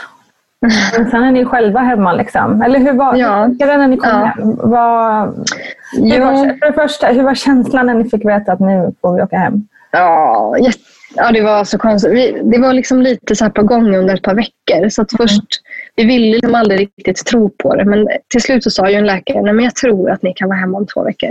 Mm. Det handlade ju mycket om att hon skulle bli av med näringsdroppet och Mm. att magen skulle tolerera eh, sondmatningen. Mm. Så att, men sen då funkade inte det första gången för att då, då, fick hon lite, då mådde hon lite sämre så att då ville man ge henne lite blodtransfusion och antibiotika ifall det var en infektion. Och då var vi lite tillbaka på ruta liksom ett igen med att ligga i akutvårdssal och inte kunna ha henne på rummet på dagarna. Så. Så och då gick det några till veckor innan det liksom la sig. Mm. Men sen var det väl som, ja, som liksom så här, nej men nu ska vi dra bort det här näringsdroppet. Nu, så här, visst, hon har mat via matpumpen liksom, 24 timmar om dygnet. Men, och hon kräks jätte- jättemycket fortfarande, men hon går upp i vikt väldigt sakta visserligen. Men, men hon mår ändå så pass bra i alla andra avseenden att de tyckte att men hon är alldeles för frisk för att ni ska liksom bo på sjukhus. Okej. Mm. Ehm, så då började vi väl ändå kunna så här, ja, då får man gå på ett hemgångssamtal som liksom handlar lite om att komma hem från neo. Vad man ska tänka på och sådär. Och då började det kännas så här, oh shit, när man får gå på hemgångssamtal, alltså, då, då är det nära. Exakt. Ehm, ja. Och ja, till slut sen så, så kunde vi åka hem och det var ju så konstigt. Det, det kändes ju som att flytta från någonting som hade blivit ett tryggt hem. Mm. För att vara, vi hade ju ändå varit hemma några gånger och liksom kollat till huset och sovit hemma någon natt och varit hemma bara för att liksom hämta lite ny energi och sådär. Men det var väldigt konstigt. Det kändes inte, det kändes inte som hemma. Eh, Så att det kändes som att lämna sjukhuset, det var ju att lämna sitt trygga hem med all fin personal och, och liksom alla andra människor som man har pratat med och, och liksom hittat lite liksom, gemensam styrka i att man Mm, har samma, samma upplevelse. Ehm, men det var, ja, plötsligt så var vi ändå där med henne hemma. Då, visserligen med sond och matpump som gick dygnet runt. Eh, och hemsjukvård som kom varannan dag tror jag till att börja med. Men eh, ja, vi var ändå hemma och det var, ja, det, var, ja, det var jättekonstigt men det var så fantastiskt. Och vi kände oss aldrig rädda för att komma hem. Vi var väldigt Det trygga i att vi liksom, Ja, men vi hade varit så länge och tagit hand om henne Mm. liksom hela dagarna. Vi hade fortfarande inte haft henne på nätterna för att de var väldigt, de tyckte att vi de tyckte nog att vi skulle få vår nattsömn eh, innan vi kom hem. Just För att det. det var så mycket pyssel med matpumpen och sådär. Mm. Så att vi hade fortfarande inte haft henne på nätterna mer än två nätter på slutet. Så det var vi kanske lite nervösa för, att mm. dygnet runt. Men, eh, men det gick... Eh, ja, det, det gick bra. Vi, men vi var, ändå, ja, vi var ganska trygga i att vi, vi kunde ta hand om henne Mm. med allt vad det innebar. Men sen så visste vi att vi hade hemsjukvården då. Just det. Ehm, och sen hade vi mycket återbesök. Vi blev ju liksom inskrivna på eh, mag och tarmavdelningen på Södersjukhuset med henne. För att det var ju fortfarande så mycket problem. Eh, och hon mådde ju inte bra liksom, hela tiden. Så att, Och det var fortfarande mycket det här med krä- kräkandet och det då? ja, ja, alltså de, de sämsta dagarna på sjukhuset så kräktes hon ju upp mot 60-70 gånger på ett dygn. Alltså det är, Och det är ju helt extremt. Det är så sjukt mycket. Ja, ja. Herregud. Och sen när vi kom hem så hade det väl lugnat ner sig lite. Då var det väl liksom, det normala då var ju 30 gånger kanske. 30-40. Det är ändå helt otroligt. Så det var ju, ja, och det var liksom inte, det var inget så här bebiskräk som, som liksom bebisen inte bryr sig om. Alltså det var inte det, var inte det här äh, vanliga, utan det var ju liksom att det var jobbigt för henne. Hon mådde ju inte bra. Nej. Ehm, så det var väl det som vi, vi var ju fortsatt väldigt oroliga och inte visste så mycket. Även fast allting visade, liksom ingenting visade några fel och det var vi ju liksom glada och tacksamma för. Men det har ju ändå, ja, det var ju ändå så att ingen riktigt kunde säga vad det var. Nej, precis. Om det var bara en jätteomognad eller någonting annat. Men Exakt.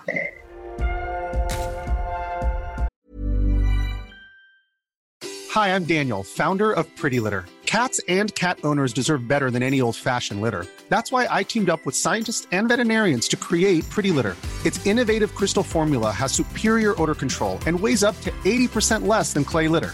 Pretty Litter even monitors health by changing colors to help detect early signs of potential illness. It's the world's smartest kitty litter. Go to prettylitter.com and use code ACAST for 20% off your first order and a free cat toy. Terms and conditions apply. See site for details. Hiring for your small business? If you're not looking for professionals on LinkedIn, you're looking in the wrong place. That's like looking for your car keys in a fish tank. LinkedIn helps you hire professionals you can't find anywhere else, even those who aren't actively searching for a new job but might be open to the perfect role. In a given month, over 70% of LinkedIn users don't even visit other leading job sites. So start looking in the right place. With LinkedIn, you can hire professionals like a professional. Post your free job on linkedin.com slash achieve today. Quality sleep is essential. That's why the Sleep Number Smart Bed is designed for your ever evolving sleep needs. Need a bed that's firmer or softer on either side? Helps you sleep at a comfortable temperature? Sleep Number Smart Beds let you individualize your comfort so you sleep better together. JD Power ranks Sleep Number number 1 in customer satisfaction with mattresses purchased in-store. And now, save 50% on the Sleep Number limited edition Smart Bed for a limited time. For JD Power 2023 award information, visit jdpower.com/awards. Only at a Sleep Number store or sleepnumber.com. A lot can happen in three years, like a chatbot may be your new best friend. But what won't change? Needing health insurance. United Healthcare Tri Term Medical Plans, underwritten by Golden Rule Insurance Company, offer flexible, budget friendly coverage that lasts nearly three years in some states. Learn more at uh1.com. Since 2013, Bombas has donated over 100 million socks, underwear, and t shirts to those facing homelessness. If we counted those on air, this ad would last over 1,157 days. But if we counted the time it takes to make a donation possible, it would take just a few clicks. Because every time you make a purchase, Bombas donates an item to someone who needs it. Go to bombas.com slash ACAST and use code ACAST for 20% off your first purchase. That's bombas.com slash ACAST, code ACAST. Hur gammal är hon nu? Hon är ju alltså ett år och fyra månader. Just det, vi ska ju säga att det inte är jättekonstigt att du måste räkna lite. För att det är ju lite så med neonatal barn, om man får kalla Ja. det så. Att man tar Ja. korrigerad ålder och man säger olika åldrar Men precis. tillbaka. Ja, men hennes riktiga ålder är ju såklart ett år och fyra månader drygt. Mm. Men hennes korrigerade ålder från att hon skulle varit född är ju bara eh, 14 och en halv månad. Nej, 14 månader. Ja. Så det blir ju lite... Eh, och det ju, ja, det blir det ju. Men det är ju där, det är där vi räknar och det är Mm. där all, liksom, man räknar under ett bra tag framöver för att Mm. liksom, jämföra utvecklingen liksom, och så, rättvist. Just det. Men det jag vill komma med det är ju att ni har haft problem med det här. Ni har fortfarande problem med det här, rättare sagt. Med maten och med mage och eh, hennes Ja. utveckling. Så det har var inte någonting Ja, bara ni fick hålla på med några veckor efter att ni kom hem. Utan det har varit ett kämpigt, Nej. över ett år av mycket kämpande. Ja, ja det har det ju. Ehm, väldigt, väldigt kämpigt. Jag, jag tycker mycket att ehm, ja, tiden liksom hemma det här året har näst, det känns som att, det är ju lång tid också, men det, det känns som att det har varit jobbigare än att, bo, att få ett för tidigt fött barn och bo på sjukhus länge. Mm. Ehm, för det här är någonting annat som är Mm. nu. Eh, Det har varit jättemycket in och ut på sjukhus och återbesök och prov, prover och tester och röntgen. Och Mm. Man har testat att sätta ner sonden som hon hade inom näsan, sätta ner den ner i tarmen, Mm. direkt ner i tunntarmen, så peta ner den. Liksom. Så att hon istället för att ha mat i magsäcken skulle hon ha mat i tarmen. Mm. För då kan hon inte kräkas upp någon mat.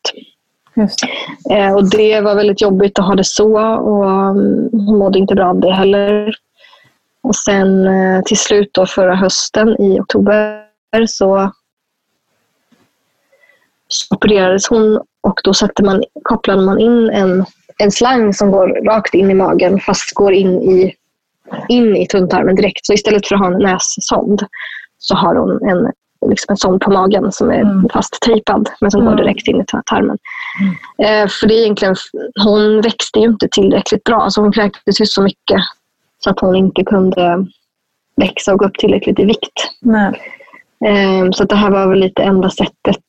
Mm. Och då sen dess, liksom sen oktober eller november nästan förra året, så det var väl egentligen då som hon kunde börja må lite bättre. Dels att slippa sonden i halsen Mm. eller ner i svalget. Och, och hon då kräktes ju mindre för att hon hade ingen mat att kräkas upp. Även om hon fortfarande liksom, kräks magsaft och liksom Mm. den Ja. grejen. Så det var ändå då hon kunde börja utvecklas lite och, och liksom må lite bättre och lärde sig.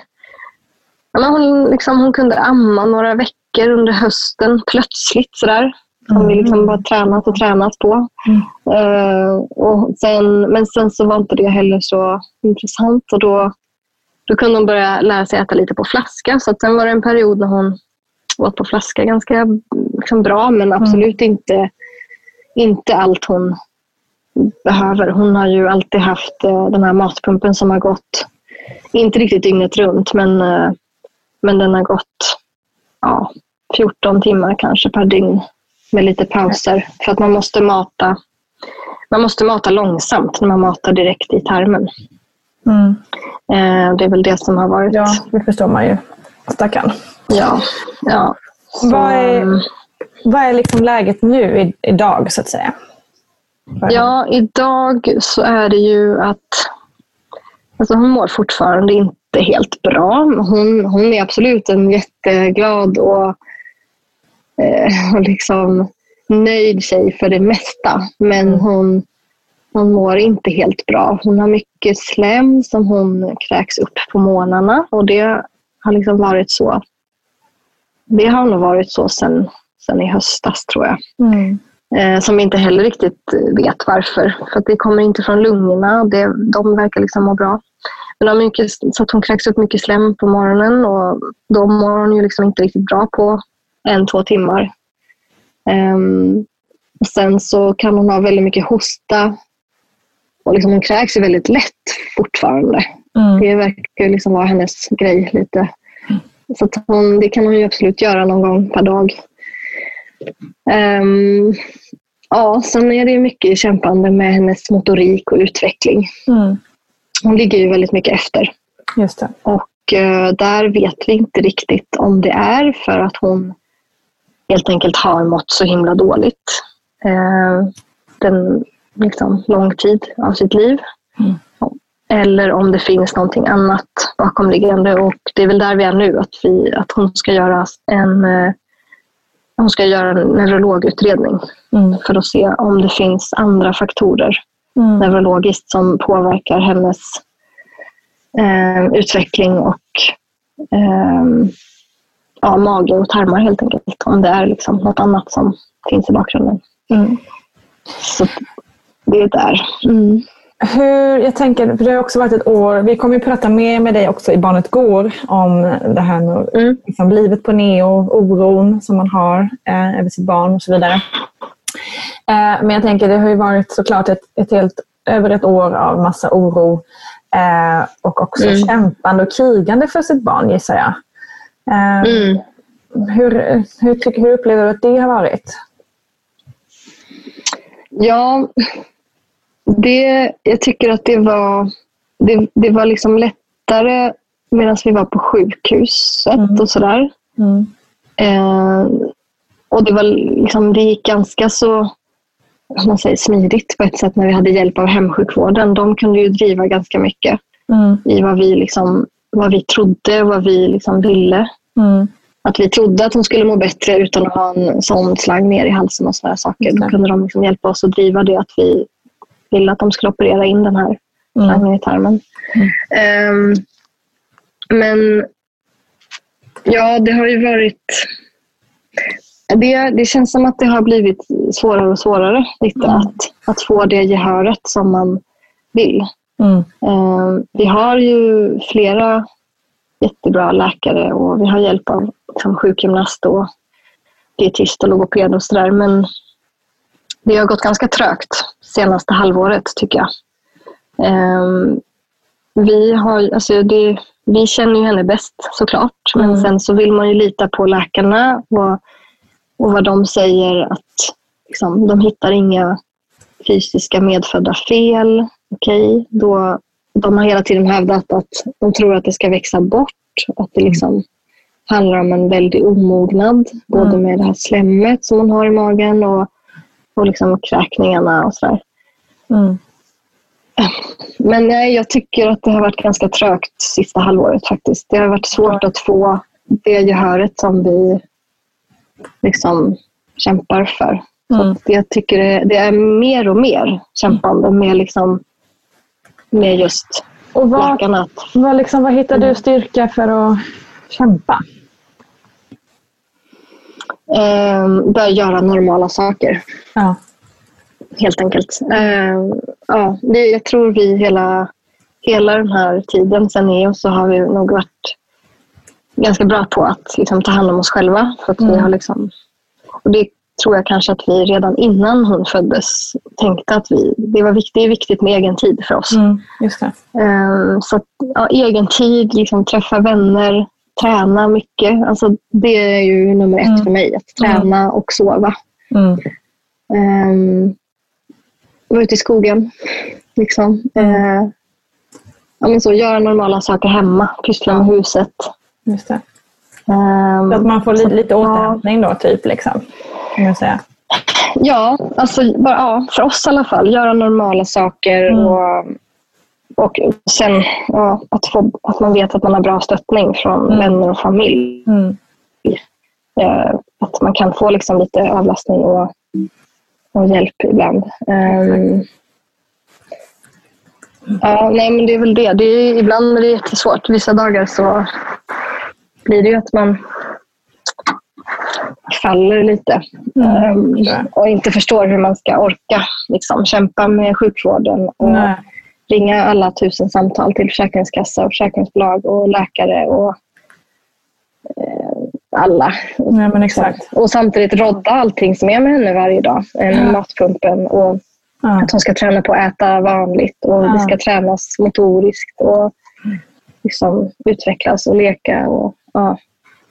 Det, ja, det är ju extremt mycket. Schemat är ju mm. väldigt eh, tajt. Mm. Men eh, ja, någonstans så går det ju på något sätt. Ja, otroliga kämpar båda två. Um, jag, mm. Vi måste också hinna prata lite om att du faktiskt anmälde också hur du blev behandlad um, när du kom in um, för att kolla om mm. vattnet hade gått och så vidare. Uh, det som satte igång hela den här otroliga uh, utmaningen. Uh, ja. Om man kan säga så. uh, så berätta, berätta hur, hur du gått tillväga och hur, hur det funkar. Ja, eh, nej men vi kände väl ganska snabbt att det kändes som att vi inte hade blivit helt lyssnade på när vi åkte mm. in för vattenavgången. Att de inte mm. tog det på allvar och inte mm. riktigt gjorde ja. någonting mer. Så att jag forskade väl lite i... Alltså det har väl hela tiden känts som att jag... Nej men för att komma vidare så behöver jag få reda på saker och jag behöver liksom känna att jag har blivit lyssnad på och fått mm. liksom, rätt eller vad man ska säga. Mm. Och jag vill gärna liksom berätta om det och sprida det lite, sprida ordet. Um, ja, så det har väl blivit som någon slags terapi och så. Mm. Skriva mycket och sådär. Men vi, jag kontaktade patientnämnden som då hjälpte mig att berätta hur, hur jag skulle göra. Mm. Så där skrev vi då ett brev till eh, kvinnokliniken. Um, Eh, och där vi liksom skrev ner vilka frågor vi hade och funderingar och varför man gjorde på olika sätt. Eh, och då är det patientnämnden som skickar det här vidare till dem och liksom ligger på lite där så att man får svar inom en rimlig tid och så. Ja. så det här, där har man väldigt bra hjälp av patientnämnden. Hur gör man egentligen om man anser att man inte blivit behandlad rätt inom vården? Är det bara att anmäla eller vad tycker du? Alltså, jag tycker att man ska skilja på, på två saker här med anmälningar så att säga.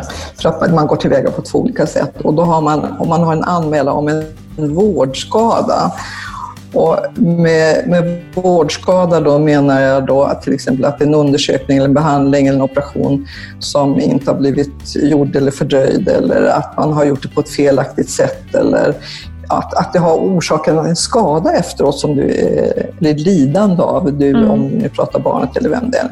Då är det till IVO.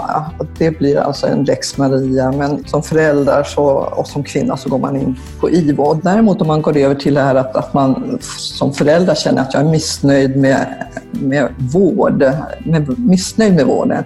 Mm. Och det vanligaste tycker jag ändå som som när jag träffar också föräldrarna, det är det här att man är missnöjd med bemötande, precis som jag hörde i tidigare podd och så vidare. Mm. Så är det, då är det inte till IVO som man går, utan då har man bestämt så att då ska man kontakta den klinik där den här vård, man fick den här vården. Okay. Om man är missnöjd med, med vården. Och det kan jag nu blir det här jättepersonligt från min sida och det kan jag tycka ibland känns, ja det är väl bra, men man kanske är så himla ledsen och missnöjd så man vill inte träffa de här människorna Nej, just det. Mm. Hur kul är det att man, ska, mm. ja, att man känner sig som ett offer, blir utsatt och så ska frontas med de här människorna som betedde sig på det här viset. Mm. Vissa tycker att det är helt okej, okay, men jag kan förstå de som säger så här, nej men jag vill inte se dem igen, nej. jag orkar inte det och så. Eh, då, och då kan man också gå vidare till patientnämnden och så får man då träffas och eh, man får berätta om sin historia. Och eh, då tar de kontakt med den klinik där man har varit och berättar om vad som har hänt och hur det här blev och så vidare. Och, och eh, så får man en återföring då till, till det här, vad de tyckte och hur de besvarade det här och så mm. vidare. Så att de ska lära sig att det där är inte okej. Okay. Och sen kan man gå till domstol om man vill också. Just det. Det här med vårdskada, det är väl, och där kan till exempel vi själva inom vården, om här, det här blev inte som vi hade tänkt och som vi hade planerat och det blev så att vi anmäler oss själva till och med då, och då är det mm. IVO som vi anmäler mm. oss till. Så att vi har också en skyldighet, även om inte om inte kvinnan i det här fallet anmäler så är vi skyldiga att göra mm. det också. Okay. Det kan mm. säkert se väldigt olika ut hur liberal man är där från klinik till klinik. Eh, säkert. Men vad händer då om, eh, om det kommer en anmälan? Låt säga då att eh, det, det kommer en till det, den förlossning som du arbetar på till exempel. Vi, vi, vi låtsas att du Mm. jobbar just nu. Ehm, och så kommer en anmälan för att det har hänt något under en förlossning eller så. Ja. Vad händer Ja, hos er då- Men sen har man ju hört att man kan, man kan få skadestånd också. Det låter kanske mer amerikanskt, men det sker här också i Sverige. Eller någon form av ersättning i alla fall. Absolut, och det är ju då inte att man heller till sitt försäkringsbolag utan man går till något som heter LÖF. Och det kan man också gå in på nätet och det är att om man har drabbats av en skada i samband med hälso och sjukvård så har man rätt till ekonomisk ersättning enligt patientskadelagen. Så det finns faktiskt en, en lag på det. Och då tycker jag att bara korrekt så kan man säga att skadan måste anmälas i tid. Så att eh, det, det ska ske i anmäla skadan inom tre år, så kan man säga. Det, och så sedan även eh, skador orsakade så har man också en tidpunkt upp till tio år. Så att ja, det Okej. kanske den här skadan inte upptäcks på en gång. Liksom man har så fullt upp med men så. Mm. Och den ersättning som man då eh, kan få, det beror på vad det är för skada och så vidare. Men, men skadorna ska vara möjliga att undvika, så att vi har gjort fel, fel inom vården. Att man ska ha fått felaktig medicin kanske, eller någon utrustning som inte har varit okej. Att man har fått en felaktig eller försenad diagnos, alltså att vad, eh, vilken sjukdom är man drabbad av och så vidare. Mm. Att man har blivit smittad vid en behandling som har lett till en infektion, det är väl ganska vanligt och det tror jag många glömmer, att det, som gör att man får en längre sjuk, Ja, sjuktillvaro så att säga. Att man Ja. väldigt- ja. Gå in på LÖF, LÖF på, på nätet och det är jättelätt att skriva den här, fylla i blanketten om man känner. och fick svar tillbaka om att eh, ja, de beklagade att det inträffade. Ehm, liksom skriver väl att så här, nummer ett är ju att lyssna på, lyssna på patienten. Ehm, och sen nummer två har väl liksom varit att man kanske skulle... Alltså de, har väl liksom föl, de följde de rutinerna som de hade då. Det, det har de varit väldigt så här, tydliga med att säga. För Jag har ju haft uppföljningssamtal också med den förlossningsläkaren. Men, och de, de följde sina rutiner som fanns då. Så det ska man ändå säga. Um, men att de i efterhand har förstått, de har väl dragit upp det här som något slags fall där man liksom har förstått att man kanske behöver göra vissa justeringar. Nej, men svaren vi har fått är att de faktiskt har uppdaterat sina rutiner som gäller inte bara för det sjukhuset utan för hela Region Stockholm vad gäller eh, vattenavgång som är liksom är tveksamma fall, står det i, de, eh, i det PMet som man kan läsa. Så att vid tveksamma fall av vattenavgång, både tidigt och liksom sent om man säger, så ska de göra en ny vaginal undersökning ett antal timmar senare. För det är väl, och sen så säger de, och så står det även att eh, man kan göra ett ultraljud också, men ultraljud verkar vara lite osäkert. Det, kan, det är inte säkert att man ser om vattnet har gått lite grann så kan det återbildas. Det kan ju sippra och återbildas. Så det är inte säkert att det visar så tydligt. Men, men det står ändå nu, uppdaterade rutiner är att göra om vaginala undersökningen efter ett antal timmar. Och även göra ett eh, ultraljud. Och det är ju helt otroligt egentligen att du gjorde en anmälan som sen ledde till att de Mm. ändrade på sina rutiner. Det är fan rätt mäktigt alltså. Ja, det, ja, det känns jätte, jättebra att man faktiskt fick liksom ett slags erkännande där från den ehm, klinikchefen. Ehm, Verkligen. Att, att de följde sina rutiner då, men han har liksom beklagat att ja, även också det här med kommunikationen, att de inte faktiskt kommunicerade på ett annat sätt till oss och lät oss liksom förstå att ja, vara uppmärksam på, på symptom, vad som händer. Och därmed så det är väl en del. som de hade var bristfälliga. Liksom. Ja, det kan man ändå säga att just här vid tveksamma fall där de inte riktigt kan säga är det vattnet eller inte. Så ska man faktiskt kanske hålla kvar personen, göra om undersökningarna. Och, ja, och det är väl... Ja, det, ja, det känns ju jätte, jättebra faktiskt. Verkligen. Men ehm, att man i alla fall har fått det från dem. Sen har jag också gått vidare med en anmälan hos IVO Mm, just det. Heter det väl. Gjorde det. Ja. Inspektionen för vård och omsorg. Mm. Eh, och där har jag inte fått något svar än. Det tar ju ganska lång tid sådana här saker.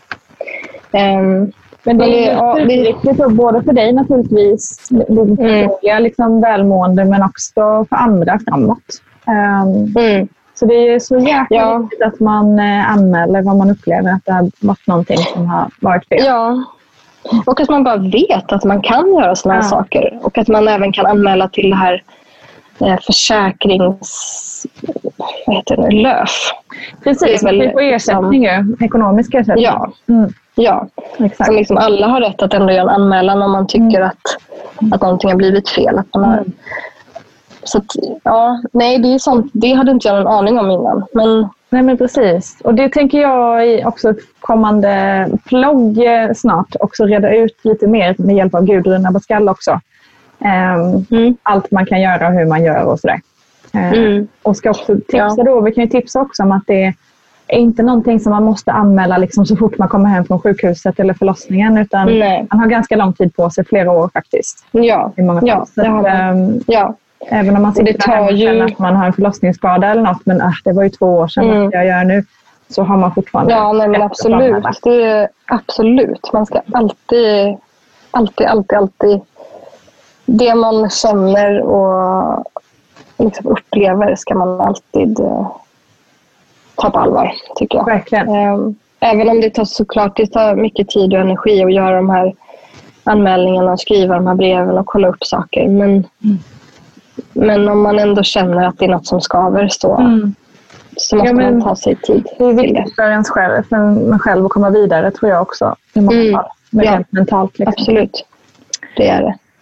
Men du, eh, Mm. jag, av hela mitt hjärta önskar jag er lycka till och hoppas att ni får ordning Tack. på allting nu eh, för er skull och för Mm. mm. skull. Eh, Mm. Har du något annat som du vill skicka med eh, kanske personer som har varit i något liknande situation som, som du? Eller kanske hamnar där? Ja, men det som jag verkligen har lärt mig är väl just att, att alltid tro på det man upplever. Att ta sig själv på lite större allvar kanske än, än vad man ofta gör. Ehm, att ja, det man känner och tror och tänker. Alltså, när man är gravid, så om man det är för första gången till exempel, då, man vet ju inte. Man har Nej. ingen aning. Nej. Även om man läser och lyssnar mycket och förstår att saker kan vara olika. så Man vet ju inte. Men att bara ta sig själv på det allvaret som man faktiskt är värd. Mm. Ehm, och liksom hellre söka en gång för mycket än för lite. Alltså jag, jag tycker det pratas väldigt, alldeles för lite om liksom neonatalvård och sådana saker. Mm. Ett- jag har i alla fall inte upplevt att barnmorskorna berättar någonting om det. Och att, Nej, du menar inför Liksom- när man är gravid liksom? ja, alltså det är ju ganska många som är Alltså som ändå behöver lite extra hjälp Mm, på en neoavdelning. Oavsett, man behöver inte vara för tidigt född för att vara där. Utan man kanske bara behöver lite, lite kontroll, liksom ett par extra dagar eller någon vecka. Mm. Man kanske behöver sola lite eller man behöver kolla. Liksom. Så att, att, vara, att inte vara rädd för det, tänker jag mycket på. Att det, Att neonatal som Det sådant behöver- inte behöver vara så här skräckställe. Liksom. Nej, ja verkligen inte. Alltså det är, absolut, det är många sjuka barn och för tidigt födda som vårdas där. Men, men det är ju... Jag tror att det är i alla fall 10 procent av alla barn som ändå behöver lite extra Mm. stöd. Nu, så att jag inte säger fel siffra, men jag tror att jag har läst det. Eh, att, nej, men att inte vara rädd för det. Eh, för det är en jättebra neonatalvård som vi har i Sverige. Verkligen. Jätte, jättebra, verkligen. Eh, och det behöver liksom inte vara något skräckinjagande. Sen förstår jag att man alltid hoppas på att, liksom, att ens förlossning ska gå bra, att man ska få komma hem efter Mm. två dagar. Men, men det behöver liksom inte vara... Bara för att allting inte liksom går exakt som man vill så behöver det inte bli sämre. Alltså, nej, verkligen inte. Det, ja, nej, men jag tänker mycket på det. Att man behöver prata mer om, om när saker inte går Mm. som man tror och som man tänker att det gör för alla andra. Utan det, det blir olika för alla. Men eh, Precis, det blir behöver mycket inte för alla, men det kan också bli bra till slut. Ja, absolut. Tusen tack Jenny. Tack så mycket själv. din tid och din berättelse. Tack. Tusen tack Jenny Höglund för att du ville dela med dig och också för ditt mod och för din outtröttliga kamp för din dotter. Oerhört inspirerande. Tack också till dig kära lyssnare. Jag hoppas att du har haft en mysig tid tillsammans med oss. Skutta nu över till mammagruppen på Facebook vet jag. Vi ses där. Kram!